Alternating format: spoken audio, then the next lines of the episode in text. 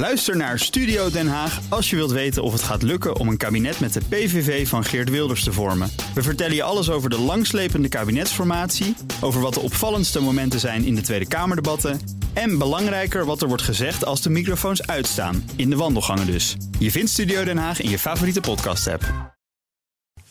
De column van Bernard Hammelburg. Door het geruzie met Donald Trump over de te lage bijdrage van veel landen aan de NAVO is een tijdje de schijn gewekt dat het bij het bondgenootschap ging over wapens, kogels en manschappen. De diepe crisis over Turkije laat opnieuw zien dat er veel meer aan de hand is. Het bondgenootschap hangt met pleisters en paperclips aan elkaar en het Brusselse hoofdkwartier rukt aan een dood paard. Dat was eigenlijk al zo sinds de blunder van Bush junior in 2003 over niet aangetroffen massavernietigingswapens in Irak. Een aantal NAVO-leden, zoals Frankrijk, Duitsland, Turkije, België, Noorwegen, Griekenland en Oostenrijk en het Europese parlement waren tegen de Amerikaans-Britse inval in Irak en de politieke wonden van toen zijn nooit geheeld.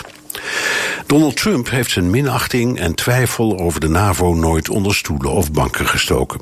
Over landen die niet voldoende bijdragen, maar ook over het belangrijkste element in de bondgenootschappelijke solidariteit. Artikel 5 van het handvest: een aanval op één is een aanval op alle.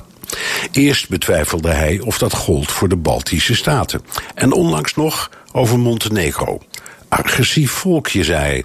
En voordat je het weet, zitten we in de Derde Wereldoorlog. Met andere woorden, bij een aanval op Montenegro rukken we echt niet uit. Die stoute Trump toch. Nu komt president Erdogan in de ogen van veel NAVO-landen evenzeer een stoute jongen, ook met artikel 5 op de proppen.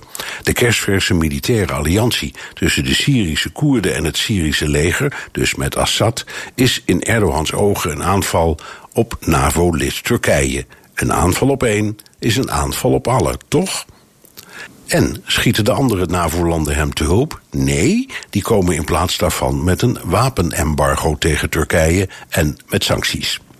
Nu kun je zeggen dat is appels en peren. Turkije zelf wordt niet aangevallen, alleen die nieuwe Turkse enclave in Noord-Syrië.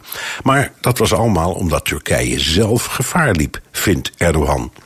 Hoe zit het dan met de eerste en enige keer dat artikel 5 werd ingeroepen na 9-11? Dat was een aanval op Amerikaans grondgebied, maar moest de hele NAVO daarvoor uitrukken naar Afghanistan? Voor een oorlog die 18 jaar later is verloren.